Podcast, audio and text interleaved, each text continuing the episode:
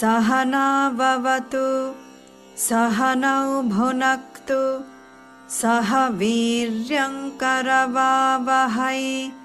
तेजस्विनावधीतमस्तु मा विद्विषावहै। ॐ शान्तिः शान्तिः शान्तिः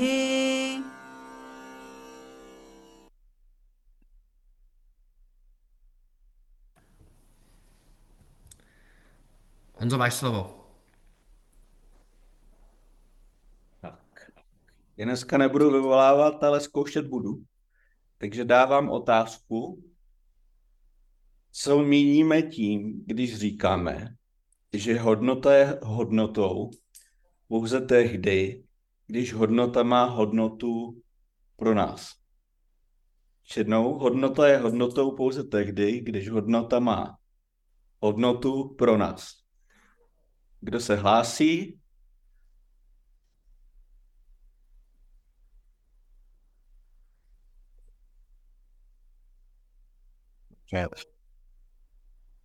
Tak je tím asi myšleno to, že hodnotu je potřeba nejen pochopit, ale také ji dobře vstřebat a, a řídit se tím. A pokud například se nám to nepodaří, tak bychom si měli udělat i nějaký, nějaký punishment. No, ano. V podstatě ta věta chce říct, že tu hodnotu studujeme do hloubky právě proto, abychom pochopili, jakou vlastně má hodnotu v našem životě. Jakou má hodnota hodnotu, nebo uh, cenu, kdybychom taky mohli říct. A jak její dodržování, tak jejich její nedodržování. A proto to takhle podrobně probíráme a tak jak zkoumáme a opakujeme, dokud nám ta hodnota hodnoty není zcela jasná. Což ještě půjdeme několik kol, tak si myslím, že příště se už to bude něco jasnější. A teď mám otázku číslo dvě. Nebudu se ptát, jakou hodnotu probíráme. Honzo? Ano? Je, úplně výjimečně a krátce, eh, protože si my, myslím, že uh, to ještě říkáme málo důrazně, vlastně ten citát, on je takový trošku zdánlivě zamotaný. Radku, díky, že jsi zkusil odpovědět. Já myslím, že to je doslova tak, že když ta konkrétní hodnota má, řekněme pro mě nebo pro tebe hodnotu, tak vlastně nemůžeme jinak, doslova nemůžeme jinak, než se tou hodnotou řídit.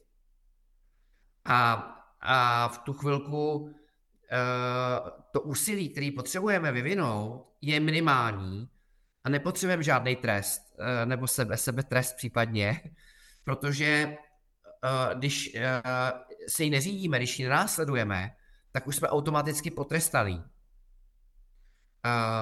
já řeknu příklad za všechny, třeba ranní stávání pro někoho a ranní studium, což není jedna z 20 hodnot, který probíráme, ale, ale pro někoho z nás to může mít vysokou hodnotu.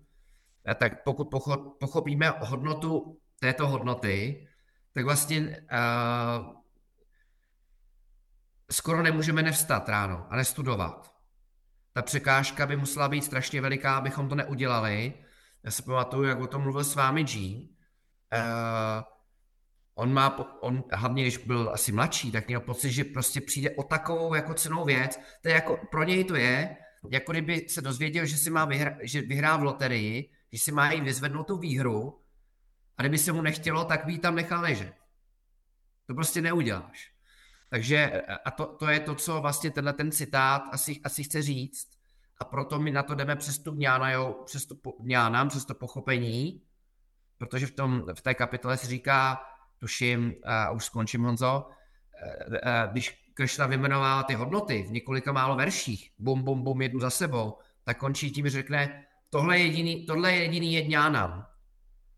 Samozřejmě specificky v tom kontextu. A chce tím říct, že když to pochopíme, tak nemůžeme jinak, než se jima řídit. Tak pardon, Honzo, jsem do toho vstoupil já se to zamutovat. Nebylo to dobrý, proto já se takhle ptám, aby uh, si k tomu mohl kdokoliv vyjádřit a řekl to ještě z jiného třeba úhlu pohledu, než to říkám já, to je právě účel. A jinak eh, bych ti chtěl říct, že končíš, aby se za chvíli, za, za chvíli začal. Tak uh, další otázka zní, jakou teda hodnotu dneska probíráme, se ptát nebudu, protože probíráme hodnotu Atma Vinigraha. Ale co to znamená? Co, co v kontextu Atma Vinigraha znamená například to slovo Atma? Nebo Atma? Já nemusím povídat jenom Radek, jako. Nebo Petr. tak ale kdo chce, můžete to zkusit, jako to je, to je účel, že? Atman je Atman- self, self nebo God. Tak. A právě v tomto kontextu to právě neznamená. A my jsme si říkali na některých z minulých eh, hodinách, kdy jsme to začali probírat, že átma v sanskrtu je označení pro cokoliv, co eh, v daném kontextu chápeme jako já. Takže většina, 99,9 a možná ještě víc těch devítek tam bude, chápe to átma jako tělo nebo mysl, nebo intelekt, po případě smysly. A tady to je právě myšleno zejména jako ovládání mysli, v tom smyslu, aby mysl neovládala nás, ale my jsme prostřednictvím intelektu, i když víme, že to není specifický orgán, ovládali mysl. A zrovna tak je to teda s tělem, ne, že by nás asi ovládalo tělo, ale někoho může, protože si jenom vemte, kolik lidí věnuje času vylepšování toho těla, počínaje s uh, různými operacemi, plastickými, chirurgickými, plastickými, nebo uh, nějakým cvičením a tak dále. Takže v podstatě je ovládán tím tělem, jako tak jakoby nepřímo. A teď jde o to, aby my jsme ovládali mysl i tělo. Takže to je vlastně ta hodnota ovládání mysli. A patří do toho samozřejmě i smysly. Jsou smyslové orgány, respektive smysly a orgány výkonné. Pro nás zase je to mnohem srozumitelnější. Nebo orgány činnosti. Tak to je vlastně o té hodnotě. A i když je to vlastně hodnota, která je v podstatě jednoduchá, na, na, na to si o tom povídat, tak je ale těžká ji pak uh, praktikovat. Že? Teď, promiň, dalo by se tedy jednoduše říct, že je to já s malým jo. Dalo by se to říct, že to já je s malým jo. A ono, a pokud uh, tam nebudu se tady do toho pouštět. Je to já, ano, ano je to já s malým, jo. Zjednodušeně se to dá říct, je to, že, že to je já s malým, jo. Ale tady se to konkrétně vztahuje na tu mysl. No.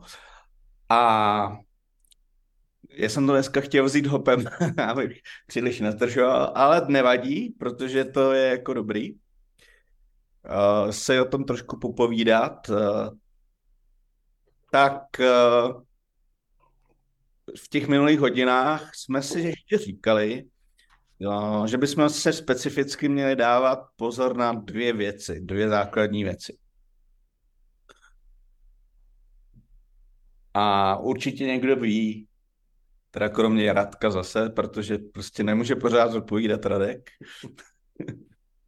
I když vlastně teďka odpovídala Jindra, tak by Radek mohl odpovědět, ale třeba by mohl odpovědět i Daniela, ale nechci tě samozřejmě vyzývat. A nebo i Mário by mohl něco k tomu dodat. Mě by třeba zajímal, Mário, tvůj názor. Že ty občas jako řekneš něco a je to, je to samé, co říkáme, ale je to líp řečeno. Um, tak k čemu mám něco říct teďko? Uh, k čemukoliv tě napadne, co se týká té hodnoty, ale specificky já jsem měl na mysli ty dvě základní věci, na kterých se dávat pozor, nebo který tvoří jakoby jádro toho, když mluvíme o této hodnotě.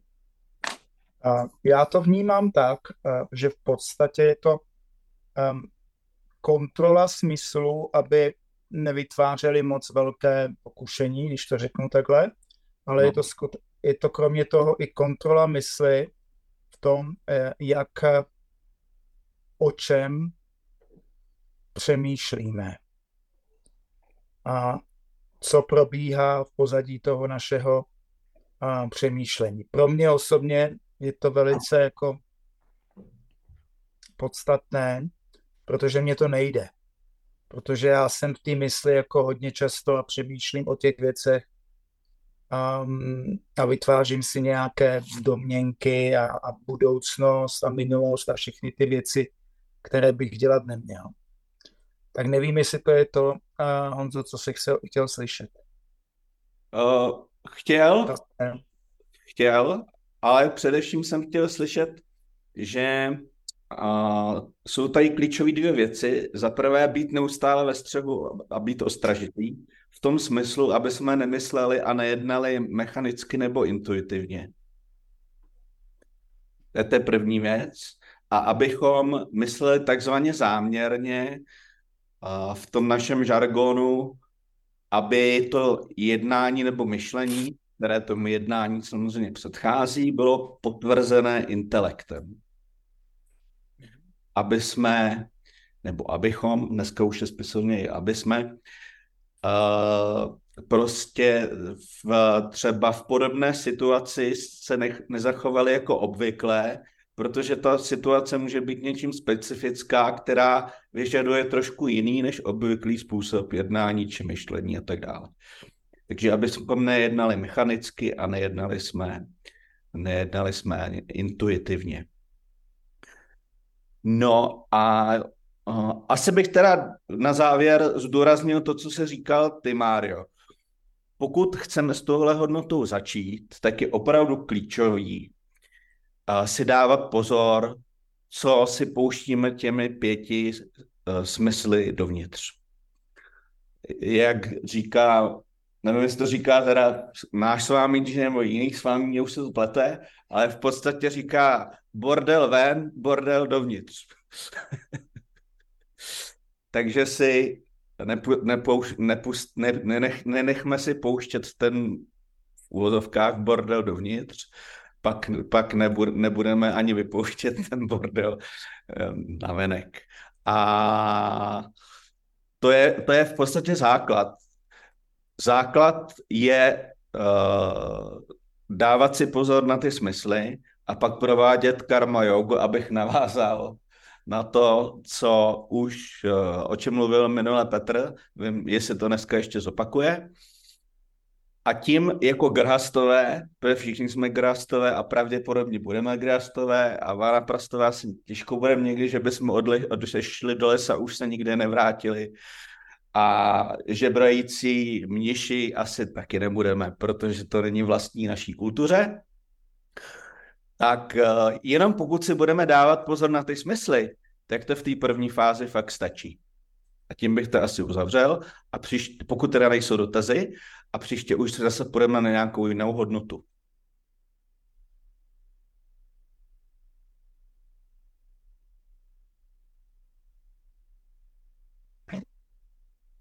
Honzo, ještě mám, děkuji Radku, ještě mám otázku pro tebe. Eh, kdyby si byl tak hodný a zdůraznil, proč tahle ta hodnota je pro nás jako pro studenty Veranty vlastně důležitá. No, to by mohl odpovědět asi každý na tu, tu otázku, ne? Ale ona je důležitá teda za prvé nejenom pro studenty Vedanty. Ano. Myslím si, že je v podstatě důležitá pro všechny. Uh, I ty, co usilují o artu kámu, jenom. Protože kdo ovládá svou mysl, a není ovládán svou myslí, tak má samozřejmě zaručen úspěch. Má zaručen úspěch jak ma, buď materiální, anebo duchovní, anebo dokonce i ten spirituální. Protože prostě pokud někoho ovládá mysl, tak rozhodně uh, nejen, že se nebude cítit dobře, už i to je vlastně velký plus, cítit se dobře, ale nebude ani schopen dosahovat toho, čeho chce dosáhnout. Jedině klidnou myslí lze dosáhnout osvobození. mimo jiné. A, ale klidná mysl je prostě základ. Mhm. Mohli Díky. bychom taky říct satvěcká. Díky kluci, díky. A dámy. Tak se pojďme posunout eh, eh, od Atma Vinigraha. Není daleko ke Karmajoze, jak Honza před chvíličkou říkal. Eh, Možná, protože eh, nejsem si jistý, že všichni posloucháte úplně všechny naše hodiny, tak eh, vám dám napřed trošku větší obrázek, kde se vlastně nacházíme. Kromě toho, že se nacházíme na bojišti s, s Arjunou a s Kršnou, tak v rámci Va- Bhagavad Gita se nacházíme ve druhé kapitole. Me- Ta kapitola se jmenuje Sankhya Yoga. Mohli bychom také říct Jnana Yoga, kdybychom chtěli. A je to vlastně schrnutí celé Bhagavad Gita. A, a na začátku, respektive někdy od verše 11, a Kršna opravdu předá esenci učení Véd Arjunovi. To je ta nejdůležitější část, ty se věnuje filozofii. A potom eh, v další části, to si možná vzpomenu, vzpomenete, přesvědčuje Arjunu, aby bojoval a použil ty tři roviny. Nejprve tu nejjemnější z pohledu já, nic se nerodí, nic neumírá a tak dále a tak dále. Pak se stoupil níž, pardon, k pohledu uh, darmickému, z pohledu toho, co je a není správné. A pak úplně k tomu pragmatickému, kdy Kršnovi vykládal, hele, když teď utečeš do lesa a staneš se rádoby saňásím, tak se ti všichni budou smát. Takže to už máme všechno za sebou a, a potom uh, post, postupuje ke karmajóze a de facto schrnuje karmajógu. Uh, a my jsme teď v jádru karmajógy, za chvilku se na ní podíváme, kdy je tam pár klíčových veršů, dva, tři, které jsou potom rozebírány v třetí kapitole. A, takže teď probíráme esenci karma yogi. De facto bychom mohli volně říci esenci veškerého našeho jednání. Od té doby, co se ráno zbudíme, začneme něco dělat, až do té doby, než večer usneme. A, protože to není tak, jak se v akademii ráno říká, teď je tady jednou týdně hodina karmy, nebo my doma s Filipem, uh, většinou skoro každý den si najdeme půl hodinku a takzvaně děláme karmu, tak to je, to je takový hodně volný použitý toho termínu. Uh, karma, karma yoga je uh, postoj k životu a způsob života, vysvětlíme si. No a potom, myslím, že se tam dostaneme příště, v několika hodinách se Arjuna zeptá a Kršna bude popisovat uh, někoho, koho nazýváme stita pragňa nebo také styra pragňa, to znamená člověka, který je pevně ukotven, pevně stojí nohama na zemi, bychom mohli lidově říct, v poznání. A, a to bude taky krásná část a Kršna řekne, jak se takový člověk projevuje a, a také, také jak, jak toho dosáhnout. Takže to je, to je esence, esence druhé kapitoly Bhagavad Gita, která je mimochodem nejdelší, má asi 72 verš. A my jsme minule někde skončili, tuším u verše 48-49, tak krátku, jestli bys tam mohl promítnout 49 a potom klidně i 50. दूरेण ह्यवरं कर्म बुद्धियोगाधनञ्जय बुद्धौ शरणमन्विच्छ कृपणाः फलहेतवः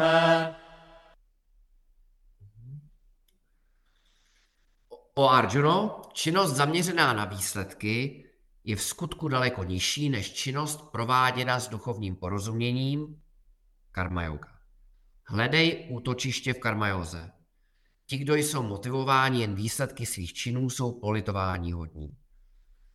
A, takže tady Kršna hovoří jednak o přínosu karma a také rozlišuje mezi těmi lidmi, které nazýváme karmís, to jsou skutečně ti lidé zaměření na výsledek, ať ho dosáhneme jakýmikoliv prostředky, a ve srovnání v kontrastu s lidmi, kteří vykonávají karma jogu, nebo bychom mohli také říci, žijí karma jogou nebo s postojem karma jogy.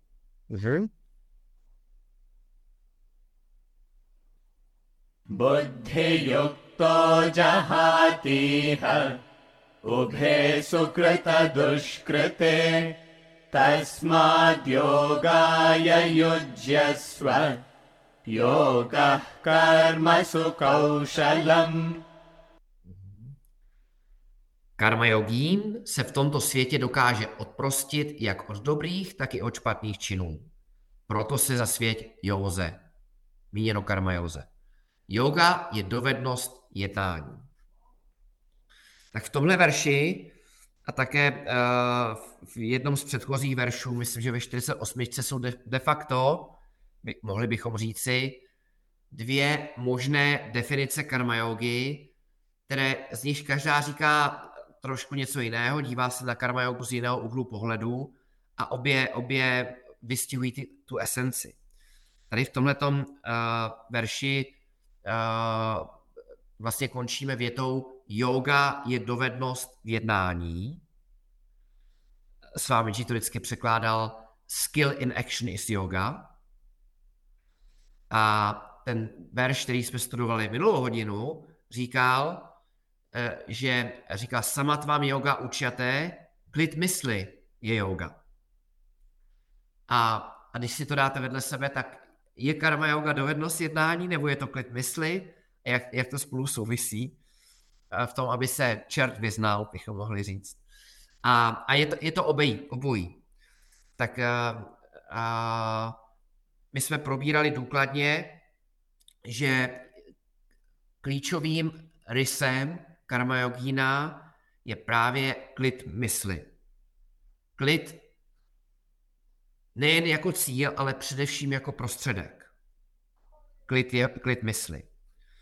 A, a ten klid mysli je právě dosahován tím, že a, ten člověk, když vykonává jakoukoliv činnost, od toho, že se jde proběhnout a potom pracuje v kanceláři a veze děti na kroužek a rovná doma ponožky a odepisuje na e-maily a tak dále, tak eh, on eh, k té činnosti nepřistupuje tak, že by kladl důraz na její výsledek, což neznamená, že by výsledek ignoroval nebo nevěděl, jakého výsledku chce dosáhnout, ale vidí tu činnost jako prostředek, k očištění své osobnosti, chce tedy k přípravě své osobnosti na ňána jogu.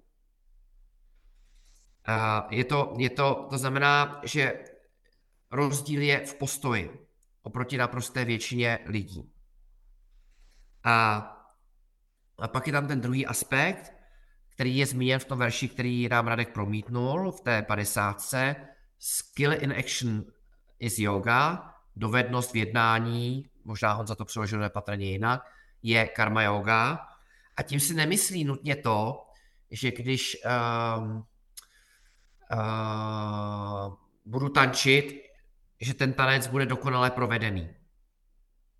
Nebo že když budu uh, zpívat píseň, že ji budu zpívat, koukám tady na Honzu, jako Karel Gott. uh, chce se tím, chce, čili tou šikovností se nemyslí dokonalé provedení té akce, protože, protože de facto každý z nás, možná až s výjimkou těch největších nešiků, když budeme opakovaně vykonávat jistou činnost, tak, tak ji budeme vykonávat dobře.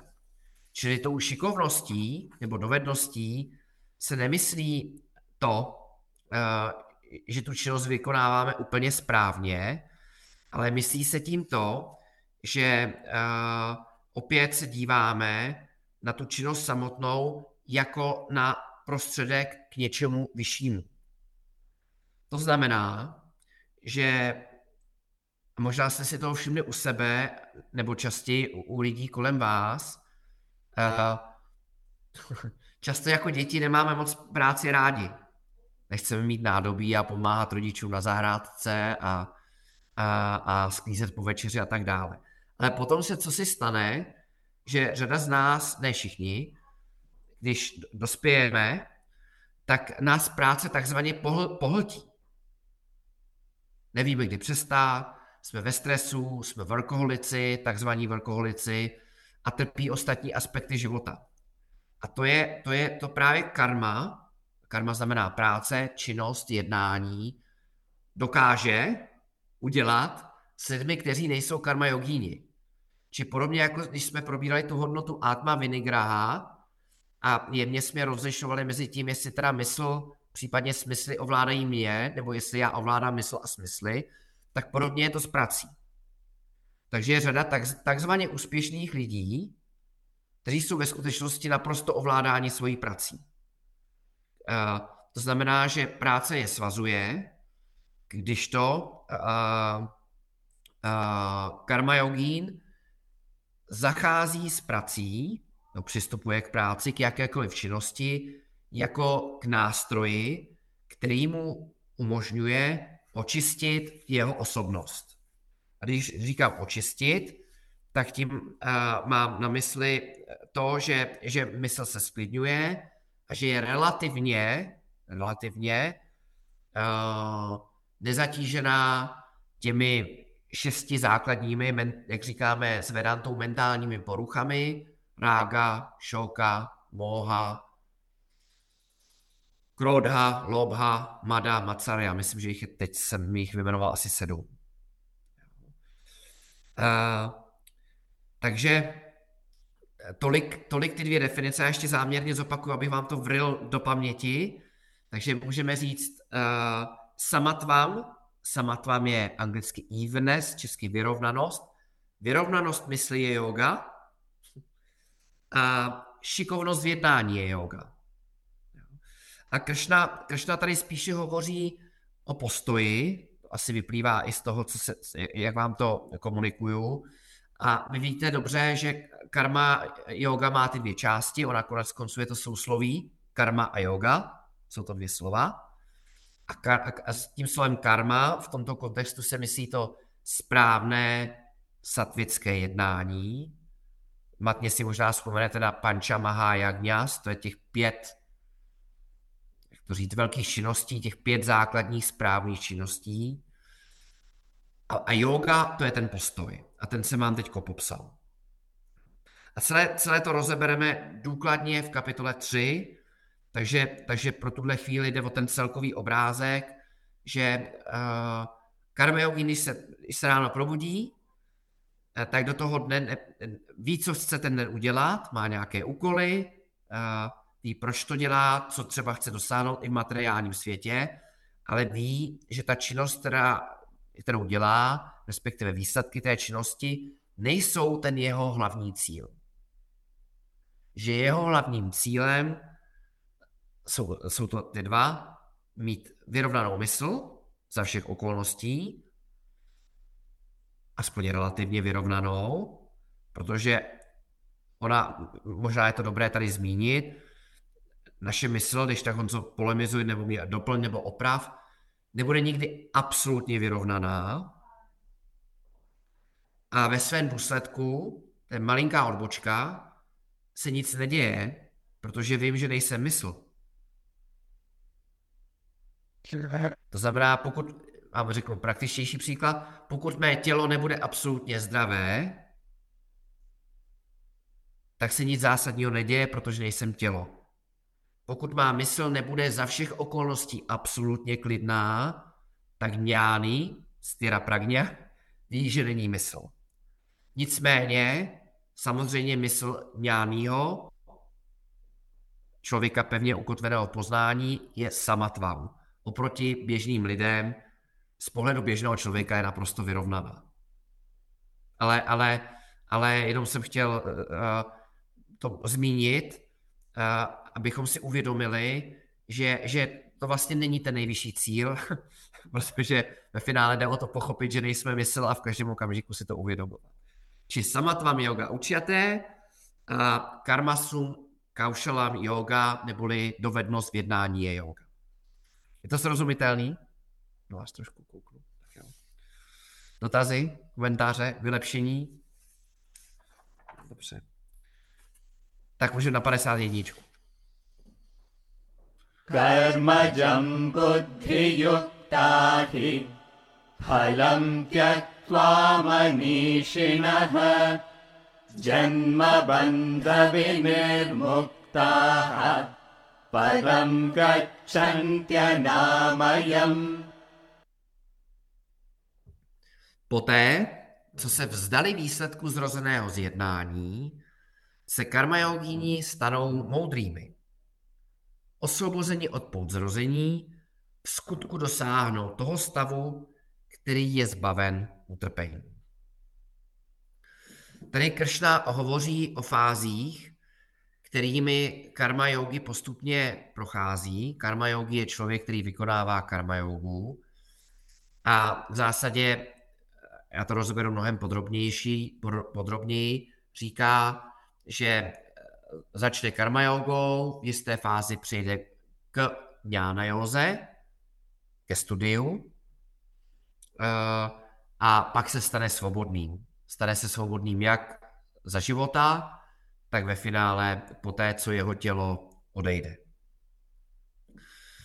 A první, vlastně první fází, kterou si takový člověk prochází, je, je uh, postoj, který vyplývá ze správného rozlišování. Vy si vzpomenete, že rozlišování jsme nazývali především termínem vyvéka, takže takový člověk, a to je jedna, jeden ze základních pohledů na karma yogína, ví, že jeho vnitřní růst, spirituální růst, je důležitější než materiální úspěchy. To znamená, že z pohledu našeho života, naší cesty, je v pořádku, že v určité fázi je pro nás důležitá arta, že je pro nás důležitá káma a je to proto, že naše mysl nevyzrála a myslíme si, že, tam, že v tom je smysl života. V zábavě a v bezpečí, v zabezpečení v majetku. Ale postupně, jak ta mysl vyzrává, stává se moudřejší, tak přirozeně, protože chápe hodnotu této hodnoty, klade větší důraz na darmu a především na mokšu. A proto uh, není potřeba se zlobit na lidi, kteří, kteří uh, mají chuť si užít života plnými doušky, nebo kteří uh, takzvaně dělají kariéru. Oni jsou zkrátka v jisté životní fázi. Tak jako my jsme byli děti a pak jsme byli dospívající a teď už, teď už jsme, řekněme, řekněme dospělí. A, a proto i v indických rituálech je tam nějaký svátek, Honza možná bude vědět, jak se jmenuje, ale uctívají se tam tři, jsou to tuším bohové i bohyně, napřed se uctívá někdo, nevím jestli to muž nebo žena, Durga, která přináší sílu a vitalitu, potom Lakšmi, znáte Lakšmi, asi od Svámidžího, to je bohatství, a poté teprve Sarasvaty neboli moudrost. A, a vědská kultura kladla důraz na všechny tři a, a indikuje se tím vyrovnanost, nebo chcete-li taky posloupnost materiálního a spirituálního růstu. A karma yogi ví, že arta a káma jsou povrchní, že přijdou a odejdou, zatímco dharma je a mok, především mokša, jsou trvalí. A, a takový člověk, karma yogi, má správný postoj, Říká se tomu buddhi yukta, což pro nás není podstatný, ale, ale ten správný postoj k životu a k tomu, co dělám, je výsledkem rozlišování, vyvéky, výsledkem pochopení, že chápu správnou hodnotu těch jednotlivých hodnot. A, a potom následuje ta druhá fáze, která už je popisovaná důkladněji v, tom, v tomto verši. Uh, on se v zásadě s lehkou nadsázkou můžeme říci, vzdá výsledků, vzdá plodu svého konání. Tím se má na mysli, než se jich úplně vzdá, a že na ně neklade přílišný důraz. A je to jasný, probírali jsme to, klade důraz na vnitřní růst. A, a to ještě nestačí, protože je potřeba, aby, aby člověk v jisté fázi uh, přestoupil k Jnana Joze, a proto ten verš pokračuje a říká, Radku, jestli ho tam promítneš, abych nepoužil jinou formulaci, prosím tě, trošku. Je vás nemá. Tak, a jo, eh, to je stejná formulace. Pak se karma yogín stává moudrým. To znamená, že karma yogín postupně přistupuje k ňána, ke ňána józe. Eh, a začne si klást základní otázky. Proč jsem tady? Co je smyslem života? Existuje Bůh? A, a tak dále. A samozřejmě, když se podíváme na přírodu, tak uh, bychom mohli s jistou, asi celkem malou nadsázkou říci, že cílem všeho živého je růst. Rostliny rostou, stromy rostou, zvířata rostou fyzicky a poté, co dosáhnou maxima, tak většinou slábnou, stárnou a umírají. A v případě člověka naším cílem není, když některým se to daří, v dnešní době na, na západě zejména, tak naším cílem není maximální růst do šířky eh, fyzický, ale naším eh, eh, cílem je maximální růst intelektuální, chcete-li spirituální, abychom nalezli odpovědi na základní otázky života. A proto karma yogi pochopí, že je potřeba růst emocionálně, intelektuálně, spirituálně. A to je, to je ta fáze, kdy vlastně on přistoupí ke Joze a postupně se stává moudrý. A, a osvobodí se z těch takzvaných pout samsáry, tady se chce kýchnout,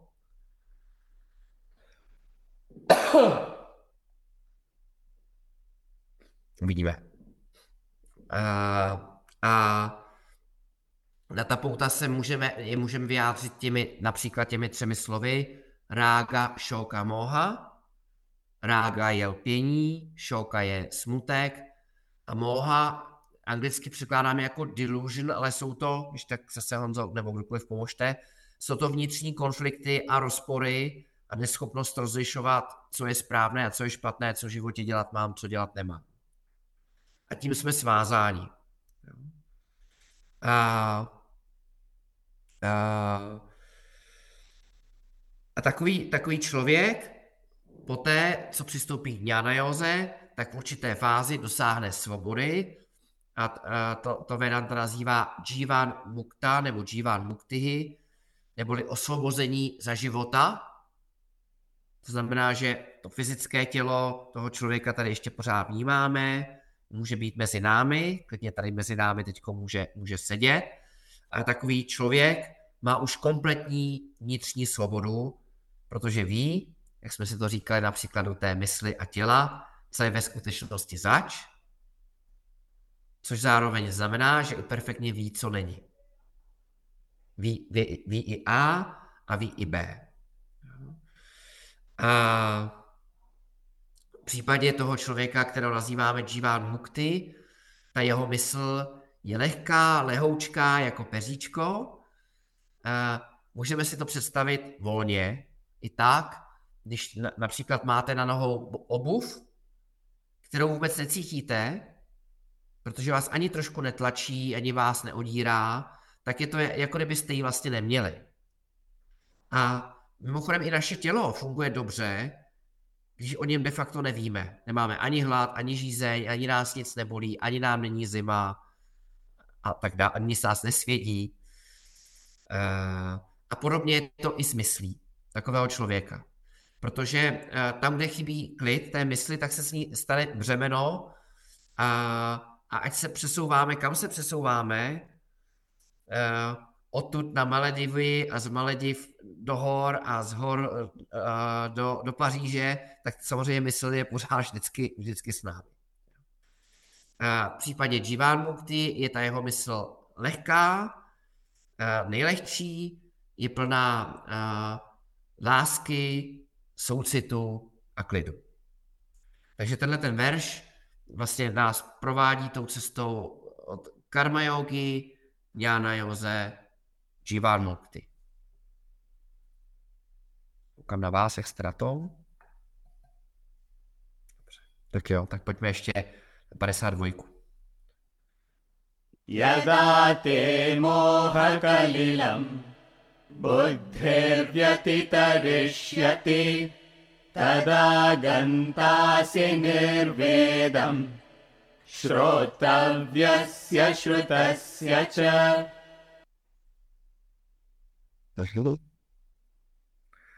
Teď přijdou dva verše, které tak trochu ve dvou krocích uh, vystihují cestu člověka ke svobodě. Všimněte si tady toho slova moha, vidíte ho tam v prvním řádku, což Honza přeložil uh, jako, jako klam, tuším. Čtu. Když tvůj intelekt překoná mlhu klamu, pak dosáhneš stavu odstupu od toho, co ještě máš slyšet, i od toho, co již bylo slyšeno. A tenhle ten verš v zásadě vyjadřuje dva kroky. Mohli bychom říci vyvéka, používám termíny, které trošku znáte, vyvéka a varia, variagia, pardon, pardon, vairágia. Uh, a Kršna říká, že nejprve ten první krok je vyvéka, neboli rozlišování, v zásadě to, že náš intelekt, náš budhy, díky studiu, díky Jnana Józe, na kterou nás připravila karma yoga, se zbaví, Honza říká tady hezky mlhy klamu, zbaví se veškerých zmatků a nejasností, získá jasnost myšlení. A, a protože do té doby, já, já si to pamatuju, eh, mokša, svoboda, byl takový divný vágní cíl pro di- divní lidi, kteří neměli ve skutečnosti možná nic lepšího na práci. Pro ty nezaměstnaný a neúspěšný a tak podobně. Ale, ale v první fázi intelekt, karma yogína, se zbaví těchto těch zmatků a pochopí, že finálním cílem je dharma a mokša. A to jsou ty takzvané mentální nečistoty, ka, uh, kalilam. A, a tahle ta nečistota se týká vlastně smyslu života, cíle života a takový člověk má jasno. A stane se z něj karma yogi. To znamená, že karmu, činnost, a používá jako nástroj. A když tenhle ten jeho vnitřní, tahle ta moha zmizí, díky rozlišování, díky vyvéce, tak ten, ten vlastně to vede k něčemu, co je naprosto nevyhnutelné a to vede k, k eh, budově, kterou máme v akademii, tam ji říkáme Vairágia, takže to vede k Vairágia. Takže ten, ten odstup, eh, tady je tuším použito slovo nirvédam, jestli se nemýlím, eh, tak tenhle ten, tenhle ten odstup je přímým důsledkem rozlišování. Pro mě to byl kdysi objev, možná, že pro vás to objev není, Uh, tak to řeknu ještě jednou, protože mi možná trvalo pět nebo sedm let, než jsem to pochopil, že vajrágiam je důsledek. A je to důsledek vyvéky, neboli odstup je důsledek rozlišování. A to je dobrý vědět, protože jedno je příčina a druhý je následek. A pokud chci v životě ten následek, tak je potřeba se zaměřit na příčinu. A příčinou je ta vyvéka. Jo. A to znamená, že takový člověk, proto je to slovo nirvédám, to vyjadřuje absenci vášně, míní se tím absence vášně pro svět. Inflace klesá. Takový člověk to neprožívá, pokud teda klesá, já nevím, jo. Neberte mě za slovo, jo. Nebo uh, uh, uh, Baník postoupil do finále ligy mistrů. Nirvédam. Takový člověk to neprožívá. To je to, co s vámi vždycky říká dispassionate passion. Jo? A, a, a děti se dostanou na vysokou školu. Ten člověk to vnímá, nepochybně ho to potěší, ale není v nebi. A kdyby se náhodou nedostali, tak není, není zdrcený. Takže to znamená, takový člověk má odstup, odstup od všech těch vnějších závislostí. Dům, hodné děti, pěkná práce, uh, protože takový člověk chápe, to je ten člověk, který má tu vyvéku, že jakákoliv závislost, a teď mám na mysli mentální, psychickou závislost, na vnějším světě je riskantní.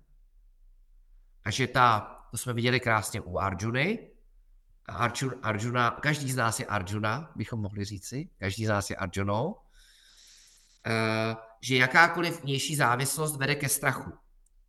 Takže tak, jako se Arjuna bál eh, o to, že zabije nebo zraní ty lidi, který měl rád, vzpomenete si na druhé straně, eh, na té špatné straně byli jeho učitelé a příbuzní a kamarádi, tak podobně, pokud jsme na čemkoliv závislí, tak se o to bojíme.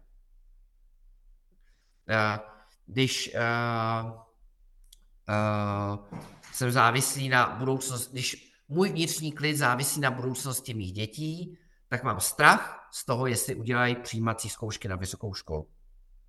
Někdy i veliký strach. A, a, tak, a tak dále. To znamená, že člověk, který rozlišuje, vyvéka, má ten odstup, vajrágia, tady je použité slovo nirvédam, nemá tu vášeň, zaujetost pro svět, tak zároveň ztrácí mimo jiné strach.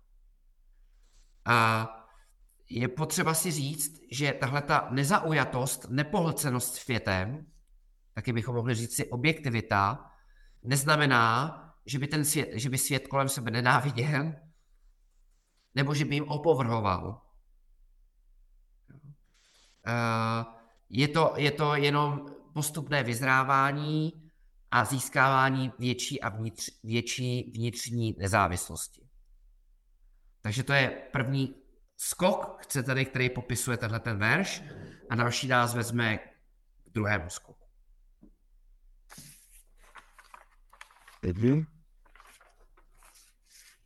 श्रुतिविप्रतिपन्ना ते यदा स्थास्यति निश्चला समाधावचला बुद्धिः तदा योगमवाप्स्यसि Až tvůj intelekt, který je nyní zmatený posloucháním různých názorů, bude pevně zakotvený a nehybný v já, pak dosáhneš jogy. Takže člověk postupně chápe, že nemusí pro svůj vnitřní klid, bezpečí a štěstí záviset na, na žádným vnějším faktoru. A takový člověk postupně pochopí, že pro svůj klid, bezpečí, štěstí komerční banka švýcarská vydal Sindry, tuším, nepotřebuje nic venku. Naopak, že má na rozdávání. A když se, když se, na, když se podíváme, když se rozhlédneme, že se vzít se podíváme kolem sebe, ale můžeme se podívat i do sebe, tak eh, vlastně řada z nás funguje tak, že jsme něco, co bychom mohli nazvat emocionální žebráci, v tom smyslu, že uh, proto, abychom se dobře cítili, potřebujeme, aby lidi kolem nás nám vyjadřovali svoji lásku, svoji podporu, své uznání, své přátelství, ať už ti nejbližší, případně ani ti, kteří nám až tak blízcí nejsou na všelijakých sítích, uh, všelijakých sítích, do kterých jsme chyceni a na který něco, něco dáváme. Když to, to je něco, co bychom mohli nazvat emocionálním bankrotem. Když to ten takový člověk, který nalezne klid, bezpečí a štěstí uvnitř, je vlastně člověk, který miluje lidi kolem sebe a to, jestli, jestli dru, druhý miluje jeho, případně si to vyjadřuje nebo nevyjadřuje, je už jeho problém. Protože uh, takový člověk vlastně objeví ten zdroj uvnitř a pochopí, že to je on sám a bez jakýchkoliv podmínek bychom mohli říct si miluje, má rád, lidi kolem sebe přes jejich skutečný nebo zdánlivý slabiny. Vychutnává si růži pro její krásu a vůni a chápe, že taky růže, dneska teda už ne všechny, jak zjišťuju, eh, přichází i strany. A to je samozřejmě skutečná, skutečná láska. A ta skutečná láska vychází z vnitřní plnosti, pro což používáme slovo purnatvam, které zároveň vyjadřuje i tu absolutní plnost, neomezenost. A, a my občas ten pocit můžeme zažívat, když se třeba něco povede, třeba uh, máme nějaký finanční úspěch, nebo dětem se daří ve škole, nebo v nějaké soutěži, nebo vyhrajou medaily, nebo jen to jenom sluší, když jdou do tanečních, tak uh, v tu chvilku, možná to taky pozorujete u sebe, jsme trošku laskavější než jindy. Jsme připraveni se podělit, usmát, odpustit, uh, protože to naše, naše, bychom řekli, naše srdce je v tu chvilku naplněný, uh, relativně naplněný, tak je připravený dávat. Takže ten stav možná jako prožíváme občasně, dočasně, ale, ale v případě toho dělného to není jenom dočasný přechodný stav, ale je to trvalý stav. A, já to popisuju proto, že pro nás, jak tady sedíme, jak, jak se navzájem posloucháme, to není úplně neznámý stav mysli, akorát ho eh, neprožíváme nepřetržitě. A je to výsledek átma ňána. Takže bychom mohli říci, že jeden z možných pohledů na, na, na lásku je purnatva, vnitřní naplnění, klid, bezpečí, štěstí, vyjádřený na venek. A tohleto poznání, a tím možná si dneska skončím, by nemělo být zatíženo dvěma překážkami. Myslím si, že to pro vás bude užitečný a praktický, to, co teď řeknu. A ty překážky jsou, já napřed řeknu česky, jsou to pochybnosti, případně pochybnosti otázky, a tou druhou překážkou jsou navyklé myšlenkové stereotypy. Čili pochybnosti a navyklé myšlenkové stereotypy. Ještě to vysvětlím. To první je jednodušší. Tak jak studujeme Vedantu, vždycky, když intelekt něco studuje a snaží se to pochyb, pochopit, tak jak, tak jak mě posloucháte, tak přijímáte ty informace, něco je srozumitelný, ale, ale něco váš intelekt nemusí přijímat, protože tam vidíte zdánlivý rozpor, nebo domělý rozpor, nebo, nebo člověku to zkrátka není úplně jasný. A platí v případě ňánam, specificky moudrosti, pochopení z pohledu Vedanty, že pokud to, co znám, je namíchaný s pochybnostma, tak to nefunguje. Proto si vzpomenete, myslím si, že jsme to drillovali moc krát, ta dňána yoga má tři fáze, manan, šravanam, mananam, nididyasanam. Takže ve šravanám když poslouchám učení Vedanty, tak ano, schromažďuji informace, ukládám si je do paměti, ale zároveň vyvstávají i pochyb, pochybnosti. A ty potřebuji odstranit prostřednictvím manana. Teprve poznání, co jsem zač, že nejsem ta mysl, nejsem ani tělo, teprve poznání prostý těchto těch pochybností funguje. Míněno funguje pro mě abych se cítil svobodný, abych chápal, že jsem plný a od, nikoho, a od ničeho nic nepotřebuju. Takže to je první překážka a ta vyžaduje nějaký čas. Ale výhodou je, že to není jako ten, uh, ta sázka v loterii, že buď vyhraju nebo nevyhraju, ale každý krůček, který udělám, každou otázku, kterou si zodpovím, každou pochybnost, kterou odstraním, tak uh, moje mysl je klidnější a klidnější a klidnější. No a druhá překážka, to je ten změný navyklý myšlenkový stereotyp. Mohli bychom říct vásana, přesně řečeno vásany. Každý z nás je má trošičku jiné, některé budeme mít podobné, nebo některé jako lidé máme podobné, a některé jsou, eh, řekl bych, výraznější u některých z nás. Takže například člověk, eh, který 40 let kouří, si neumí představit život od bez cigarety. Já vám řeknu příklad jednodušší, třeba eh, člověk, třeba jako Petr, který když večer po večeři je nádobí, nebo tady něco uklízíme společně doma, tak si k tomu dá obvykle jeden nebo dva čtverečky čokolády, ani na tím nepřemýšlí. Je to navyklý, jak, o tom, jak Honza nás na začátku challengeoval trošku, je to navyklý myšlenkový stereotyp. Banální, ale my máme i jiné závažnější.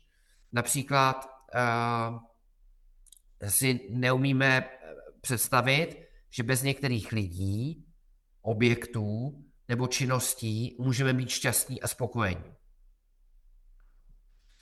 A to znamená, že tyhle ty navyklý myšlenkový stereotypy je potřeba v zásadě eliminovat a to, k tomu slouží ten, ta, ta třetí fáze nididhyásanám, a abychom se jich postupně zbavili.